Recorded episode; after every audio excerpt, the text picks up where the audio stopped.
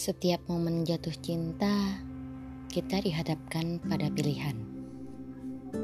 Mengatakan cinta itu dengan segera, atau menikmati pelan-pelan apa yang terasa.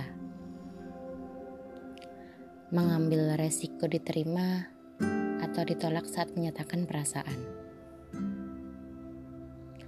Atau menjalani rasa rindu yang kadang membuat tak karuan memendam perasaan yang ada di pikiran. Dua-duanya adalah hal yang sulit untuk dilakukan. Namun, saat jatuh cinta, tak ada pilihan lain. Hanya itu. Mau tidak mau harus menjalani salah satunya. Menyatakan atau memendam.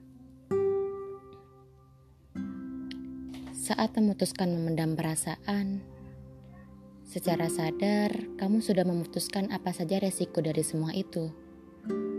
Kalau tidak nyesek, ya nyesek banget. Namun, terlepas dari perasaan itu, setiap perasaan sesungguhnya bisa dinikmati.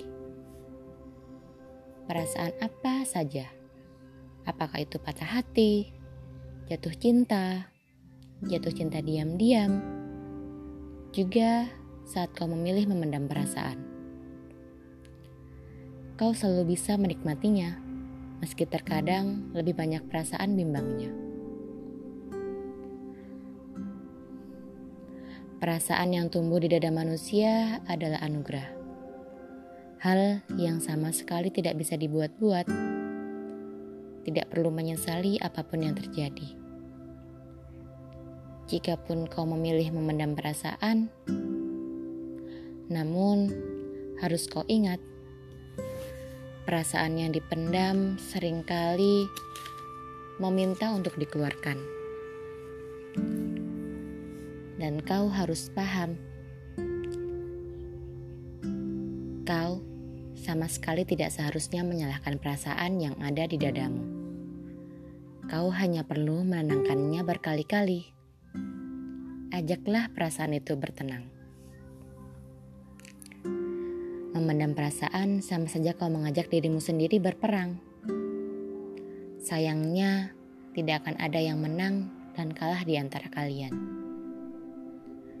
Jika perasaan yang kau pendam bisa kau redam, tentu saja kau akan tetap sendiri. Jika perasaan yang kau pendam mengalahkanmu, kau akan menjadi tidak karuan, merasa tidak seimbang.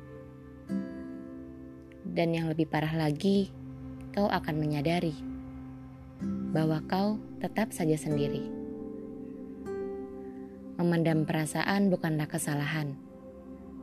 Hanya saja kau juga harus pahami bahwa memendam perasaan sering kali menimbulkan penyesalan.